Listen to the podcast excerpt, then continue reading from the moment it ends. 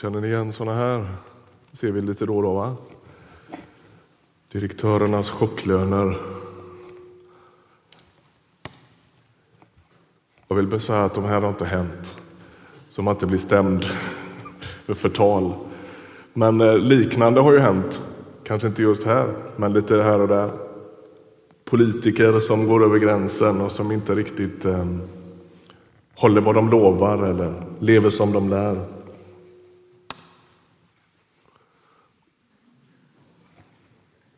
Det har inte heller hänt. Än. Lite tillskott i semesterkassan hade ju inte varit fel, men kanske inte på det sättet. Frågan är om den har hänt.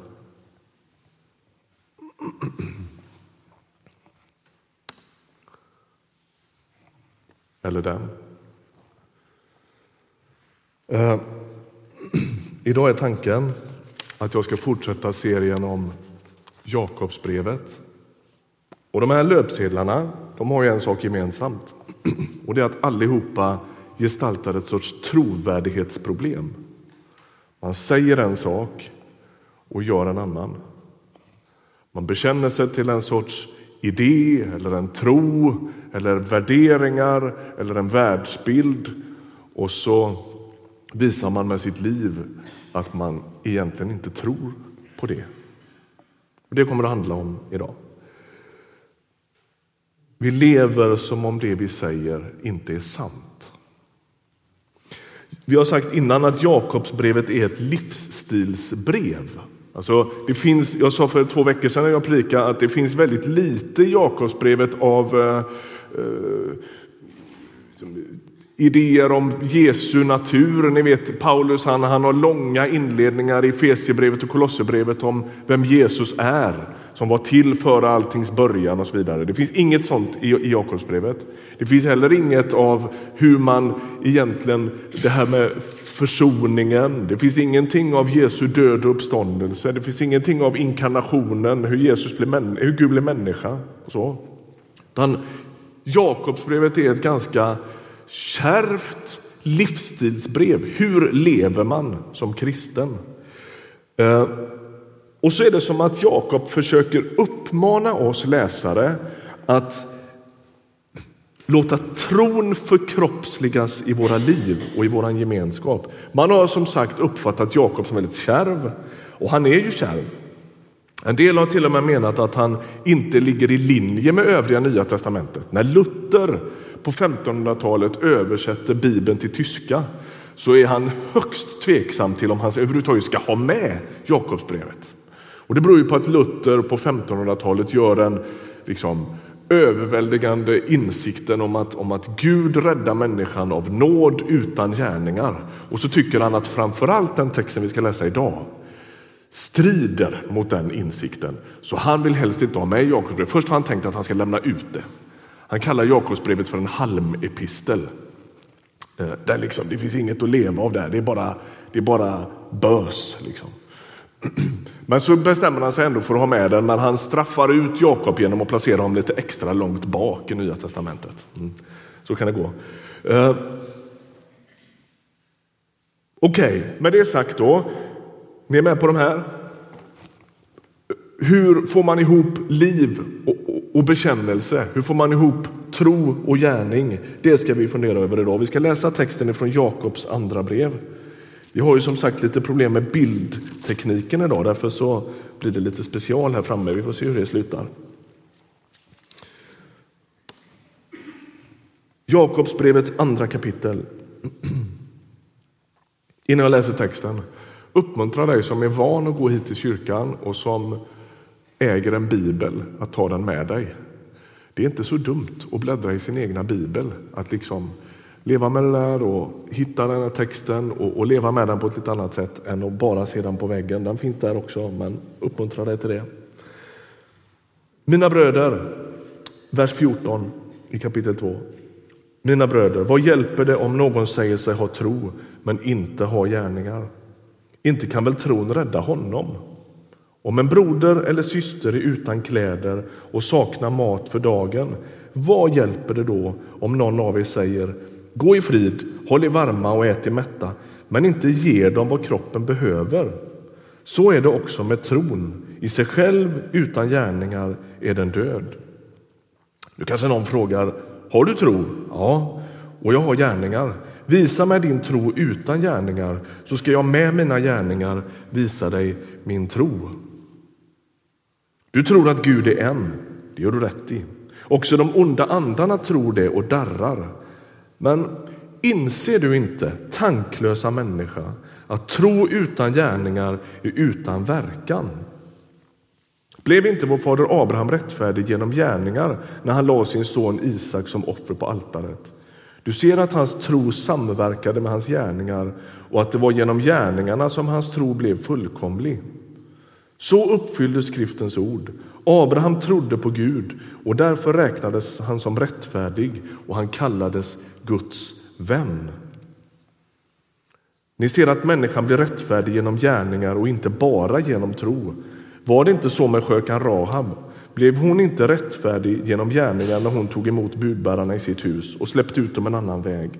Liksom en kropp utan livsande är död, så är tron utan gärningar död. Vi stannar där. Jakob inleder med en retorisk fråga i vers 14. Vi kan gå tillbaka. Mina bröder, vad hjälper det om någon säger sig ha tro men inte har gärningar? Och så följer ett exempel som är övertydligt. En kristen respons på nöd kan aldrig bli lite vackra, eh, fluffiga ord. Liksom. Om någon säger sig inte ha bröd för dagen så kan man inte säga min vän, gå i frid, håll er varma och ät er mätta, men inte ge dem något. Det duger inte, säger han. Alltså, den som är hungrig behöver inte förbön. Den som är hungrig behöver inte en Guds välsignelse uttalad över sig. Den som är hungrig behöver en macka. Eller hur? Och ibland är det som att Bibeln är betydligt mer down to earth och, och liksom rotad i verkligheten än vad vi är ibland. Vi blir ibland alldeles för liksom, svulstiga på något sätt. Ja, men då ska jag tänka på dig. Eller sådär va. Ja, men det duger inte. Om man är hungrig kan man inte äta en tanke. Man behöver mat. Och Det är liksom Jakobs poäng. Det, det måste på något sätt ta kropp en tro som inte har fötterna på jorden, som aldrig kavlar upp ärmarna och låter tron liksom förkroppsligas. Jakob säger att det är ingen riktig levande tro. Så kan man inte göra. Och Han använder ett uttryck som är lite intressant. Han säger den tron är inte till någon nytta. Och Man kan tycka att det låter lite konstigt. Ska också tron utsättas för någon sorts nyttotest? Är det inte så att vi i vår tid har alldeles för mycket av det? Att allting ska vara så nyttigt jämt. Kan man inte någon gång få slippa det? Vi har det i vårt jobb, vi har det i vår vardag på alla möjliga sätt. Kan inte kyrkan få vara en fristad där jag inte måste vara så förfärligt nyttig hela tiden? Det är en berättigad fråga, tänker jag. Men det Jakob tecknar är inte en sorts stressad, flitig myra. Utan det är snarare en tro som har blivit så ett med mina handlingar. Att värderingar, tro, tillit och tillhörighet märks i mina val, märks i mina relationer, märks i vad jag gör.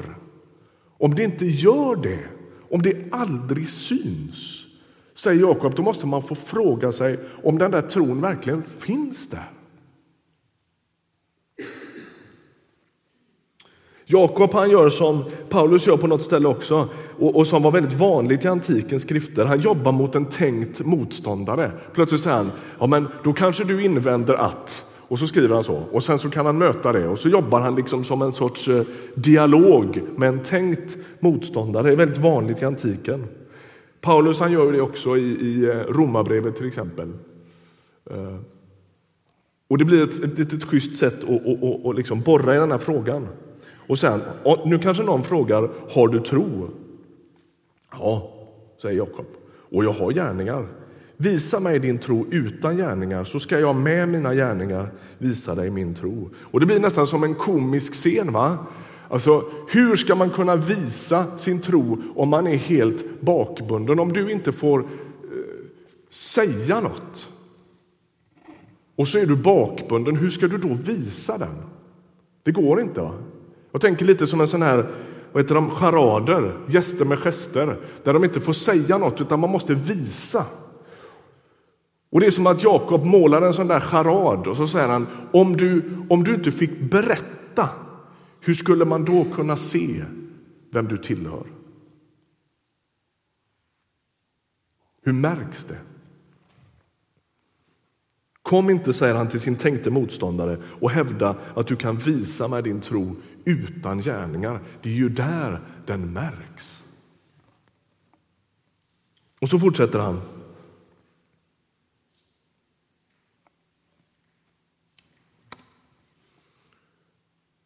Och pratar om demoner plötsligt. Det är en märklig text. Du tror att Gud är en. Det gör du rätt i. Också de onda andarna tror det och darrar. Och Det är ett väldigt drastiskt exempel. Jakob han hänvisar till den judiska trosbekännelsen i Gamla testamentet. Alltså när man ska koka ner som Israels trosbekännelse i en enda fras, då låter den så här. Hör Israel, Herren vår Gud, Herren är en. Det är, det är liksom trosbekännelsen. Det är vår Gud. Till skillnad från alla de andra omgivande folken som har massvis med olika gudar, så är Herren en. Och så säger han så här, att ha en sån lära eller en sån idé eller en sån doktrin klar för sig om vem Gud är, det, det har inte bara kristna, det kan ju andra ha också. Det kan vem som helst ha, till och med demonerna. Och det verkar ju i evangelierna, när vi, när, vi, när vi ser hur Jesus möter med någon människa som är demonbesatt, så verkar det som att de här onda makterna faktiskt vet vem Jesus är. Vid något tillfälle när Jesus kommer och möter en sån person så säger de onda andarna, har du kommit för att plåga oss i förtid? En intressant text. Det är som att de vet, de er, känner av vem det är som är där. Alltså att ha en sorts teoretisk idé om vem Gud är, att oh, men jag vet nog vem Gud är, han är sån här. Det är inte förbehållet en varm kristen, det kan vem som helst ha. Det kan man läsa i en bok.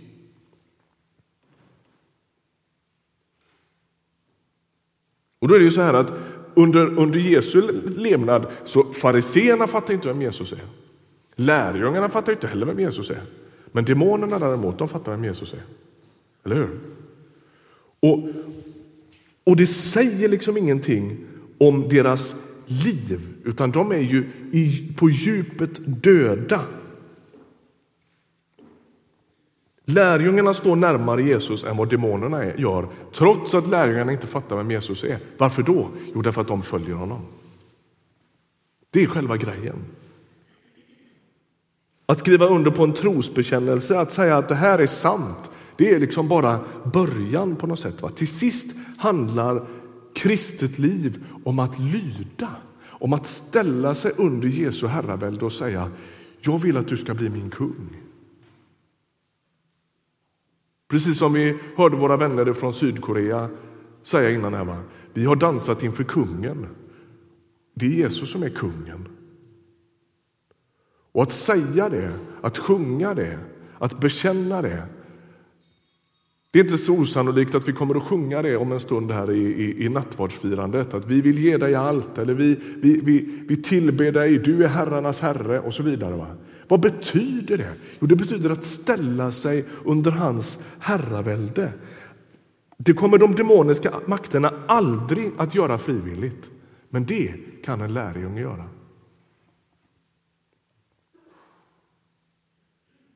Det är ju en skum text det här. va? Hur ska man förstå det här med tro och gärningar? Det är som att Jakob försöker beskriva att de gärningar som görs de görs inte utan tro. Det är inte så att de görs istället för tro, utan de görs som en sorts konsekvens av tron, på grund av tron. Tron och gärningarna är oskiljaktiga, man kan inte hålla isär det. Och Jakobs kritik den handlar inte om liksom, att människor inte är fullkomliga eller att de inte är perfekta, att de aldrig gör några fel. Utan att man isolerar sin bekännelse och sitt liv ifrån varandra, att de aldrig möts. Det säger han, det är helt orimligt, så kan man inte göra. Till sist är det så här, det är inte gärningarna som räddar en människa, det är tron som gör det. Gärningarna, de är bara med, eller bara, det är inte så bara, men de, de blir ett sorts uttryck för en verksam, levande, förvandlande tro.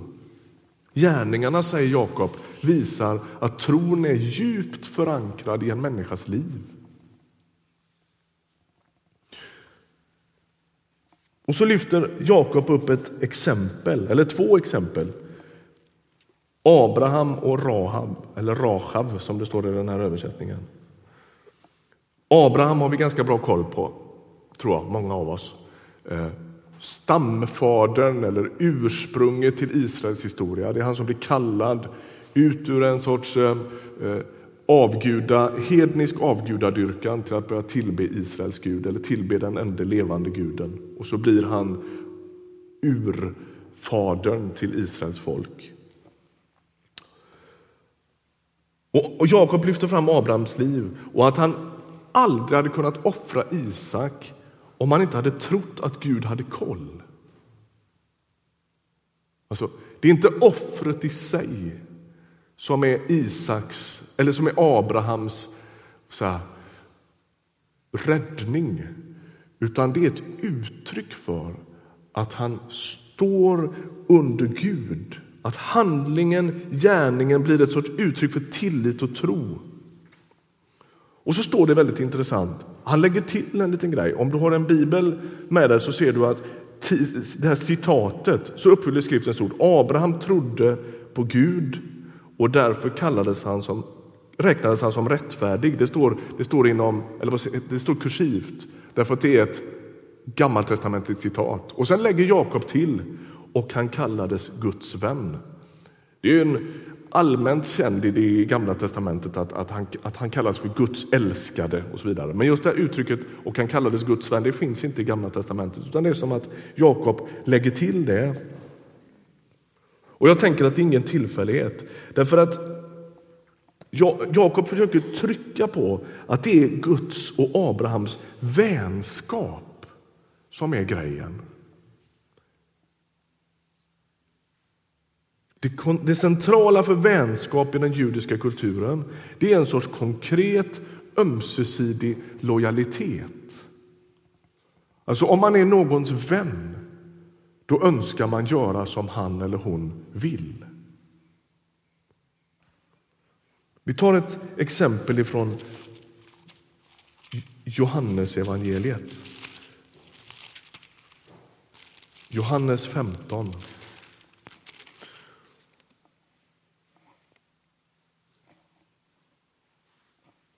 Och Det står så här från vers 13. Ingen, det är Jesus som säger detta till sina lärjungar. Ingen har större kärlek än den som ger sitt liv för sina vänner.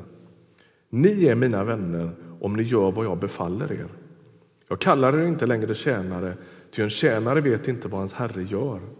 Jag kallar er vänner därför att jag har låtit er veta allt vad jag har hört av min fader.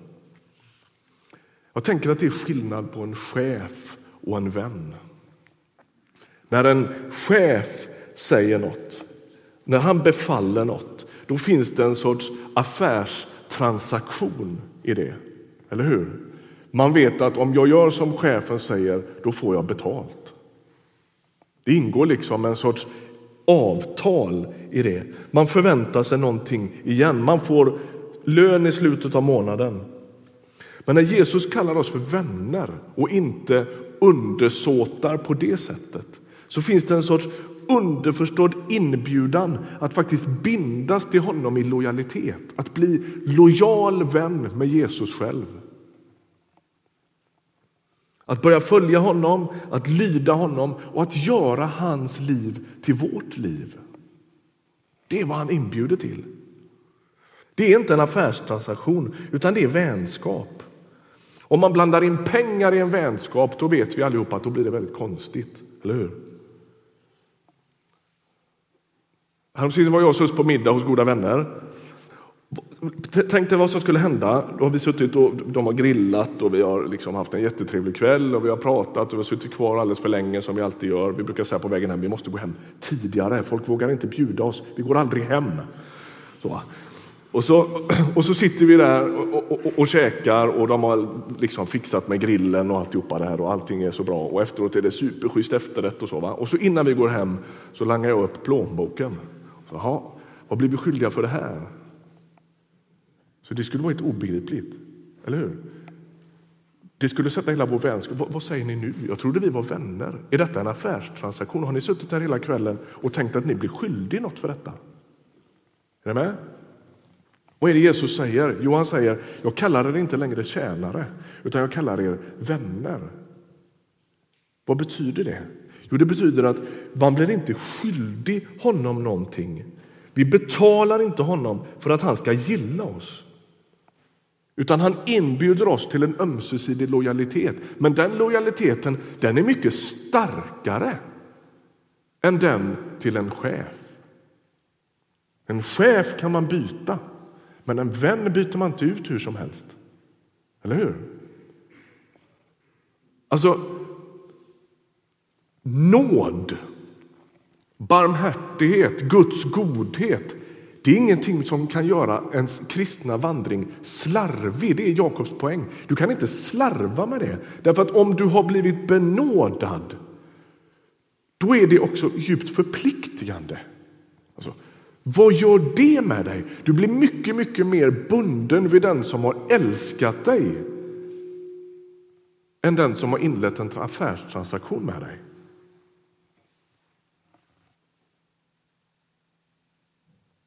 Hur ska man förstå den här spänningen då? Är det inte så att Paulus talar om att det spelar ingen roll med några gärningar medan Jakob säger det spelar all roll med gärningarna? Säger inte de här texterna emot varandra? Alltså det finns en spänning i dem. Det gör det. Men de säger inte emot varandra, utan där Jakob, eller där Paulus talar om hur man blir rättfärdig, nämligen när man kommer med tomma händer, ett nersölat liv och ber Gud om barmhärtighet. Och han rusar en till mötes och benådar en mer än man någonsin kan be om. Det är vad Paulus tecknar. Jag tror att Jakob skulle skriva under på det till hundra. Jag tror inte att han är tveksam på den punkten. Men det han säger det är att hur visar det sig att jag har varit med om det? Hur visar det sig? Om jag har mött den barmhärtige som har öst av sin barmhärtighet över mitt liv, i vilken mening visar det sig i mina relationer? Om, jag, om det har ropats en frikännande dom över mitt liv, vad gör det med min dömande attityd? Är ni med? Om Gud har förlåtit mig, vad gör det med mina familjerelationer? Hur, hur märks det att jag har varit i närkontakt med en nådefull Gud? Hur märks det? Jag tror att nyckelordet i den här Jakobstexten är ordet samverkar. Jakob han säger tron och gärningarna samverkar. Det är inte gärningar istället för tro, utan som ett naturligt uttryck för tron. Jakob säger inte att tron är överflödig, han säger inte att det inte spelar någon roll. Det han säger är att tron det är, inte, det är inte tro i en sorts abstrakt form som räddar människan, utan det är tron som får ett sånt fäste i mitt liv så att det faktiskt skapar en sorts revolution i mitt liv. Där jag börjar tänka an, nytt om både mig och Gud, om världen, om andra människor. Det är en räddande, frälsande tro.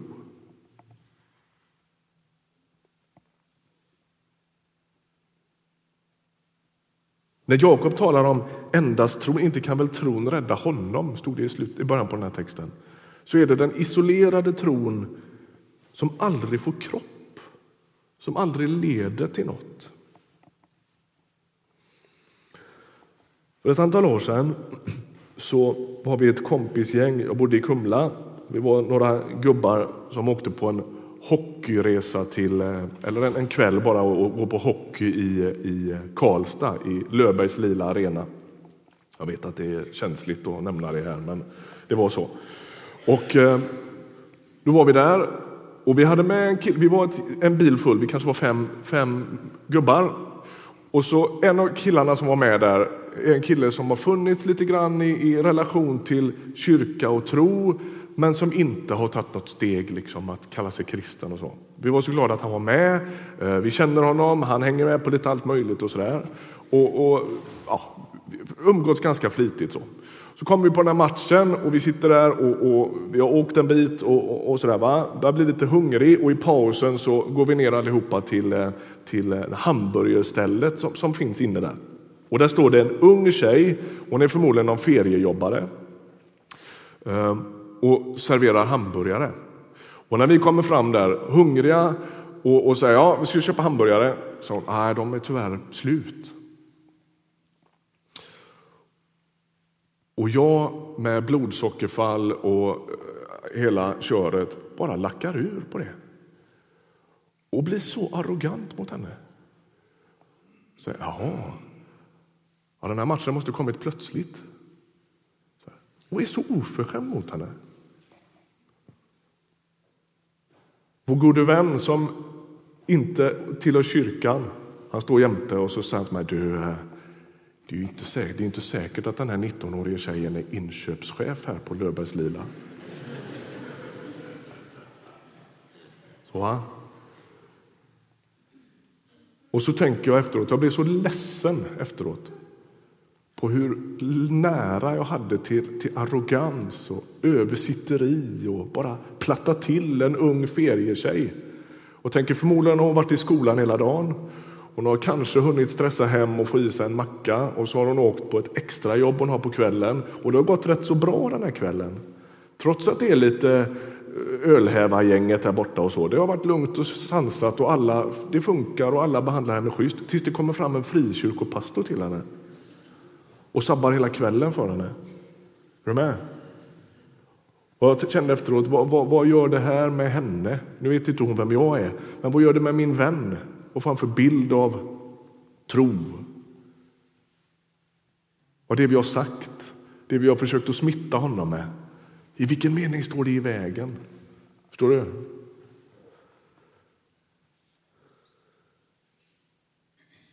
Jag plockade fram en bok här om i veckan som heter Kristna ateister. Smaka på det ordet. Kristna ateister. Det ser ut så här den här boken. Ja, det var inte lätt att se. Kristna ateister, vi som tror på Gud men lever som om han inte finns. Och kanske det är det som Jakob försöker komma åt när bekännelsen och livet inte sitter ihop. När man säger en sak och gör en annan. När det till sist är så att mitt liv talar så högt så människor hör inte vad vi säger. Vi säger ja, men det är ju tanken som räknas. Och Jakob skulle protestera högljutt och säga nej, det är livet som räknas.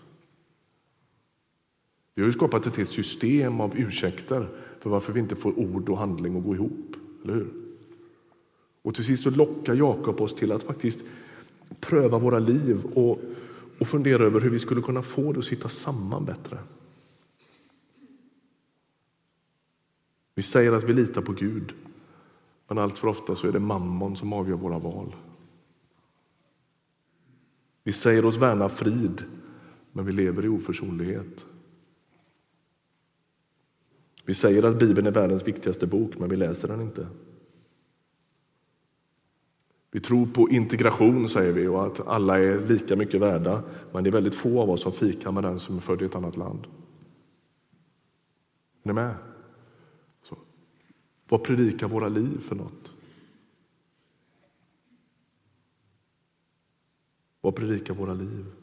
Och Jakob, han jag tror inte att han far efter att du ska bli spänd som en fiolsträng och fundera över alltså att du blir så där rädd för att göra fel, utan jag tror att han försöker inbjuda till ett liv som fäster en nåd, en Guds, ett Guds vidrörande som gör någonting med våra liv så att det faktiskt börjar sippra ut i vad vi gör, säger, hur vi möter människor, hur vi väljer, hur vi prioriterar. Det finns ett, en bibeltext, jag har inte den på väggen, men jag ska alldeles strax avsluta nu, ifrån Titusbrevet som jag tycker väldigt mycket om. En liten, ett litet kort brev från Paulus. Och det står så här. Guds nåd, säger Paulus, har blivit synlig som en räddning för alla människor. Så långt är vi med, va? Guds nåd har blivit synlig i Jesus Kristus som en räddning för alla människor. Den, alltså den nåden, lär oss att säga nej till ett gudlöst liv. I någon annan översättning så står det nåden, nåden fostrar oss till att säga nej till ogudaktigheten. Alltså, kan det vara så att vi har fullständigt missförstått budskapet om nåd? Ibland har vi fått för oss att nåd det är någon sorts smet som vi kladdar ut över våra gudsfrånvända liv. Men Paulus och Jakob och också Jesus i bergspredikan verkar locka oss till något annat. Det går att förändras. Det går att börja vilja det Gud vill. Det går att börja längta efter det Gud längtar efter. Det kan börja finnas en sorts smak av Jesus i dina relationer.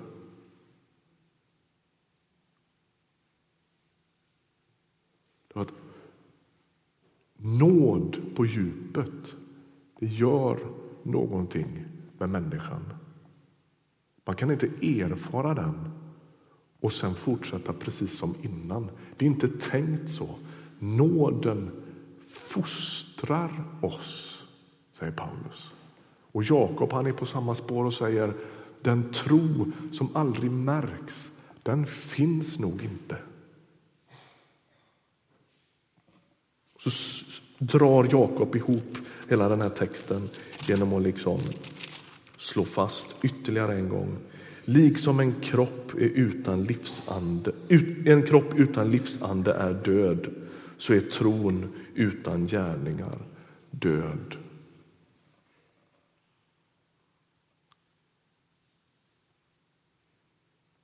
Något som är dött kan ju se likadant ut som det som lever, lite sådär på håll. Va? låg en död fågel här ute, det gör det nästan varje dag. De far in i våra stora rutor här. Den ser, den ser likadan ut som en levande, det ser ut som att den ligger och sover där ute. Ett tag. Men det är inte längre en fågel som kan flyga och äta. Och sådär, utan den är död.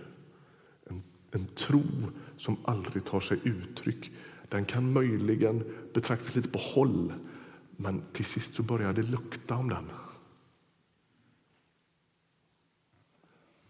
Och jag vill inte att du ska gå hem tyngd. Aha, nu fick jag ytterligare en gå hem och skärp dig i predikan. Utan jag önskar att du skulle förstå att Gud inbjuder till ett liv som förvandlar.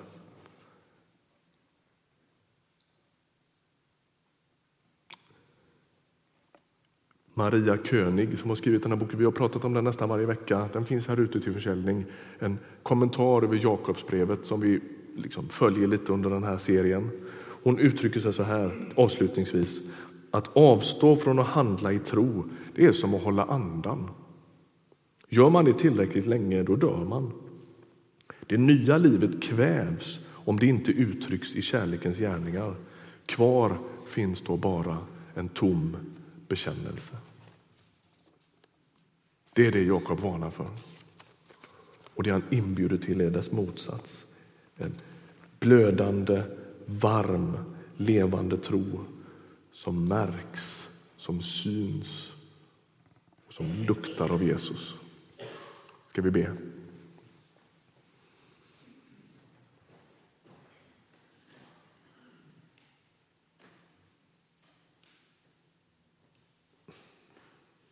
Herre, tack att du har makt att förändra. Vi tänker på de människor som rörde sig i din närhet, tullindrivare och gatflickor och allehanda sorter som gjorde en erfarenhet av din barmhärtighet som gjorde att de faktiskt ändrade sitt sätt att leva. Bytte en del av sina gamla avgudar mot att följa dig.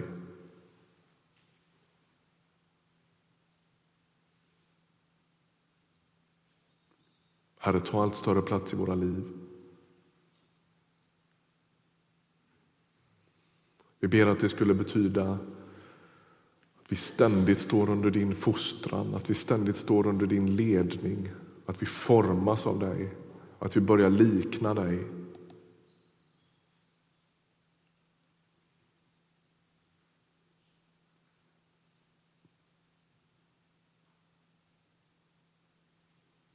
Jag vill be för den som sitter i Ryttargårdskyrkan eller framför radion och, och tvekar på om man vill ha med det att göra. Man kanske har sett just precis det här. Dubbelheten, att kyrkan säger en sak och gör en annan. Herre, vi ber om mod att tro dig om gott. Vi ber om mod att öppna sig för den förvandlande kraft som är din nåd och din barmhärtighet. Och vi ber för alla oss som är impregnerade i kyrka. Vi ber att vi skulle förstå och sträcka oss efter ett, en förvandlande kraft som du har att ge. Kom och rör vid oss. Låt oss få gå i takt med dig. Låt oss inte få stå i vägen när du vill förändra, förvandla, förädla oss.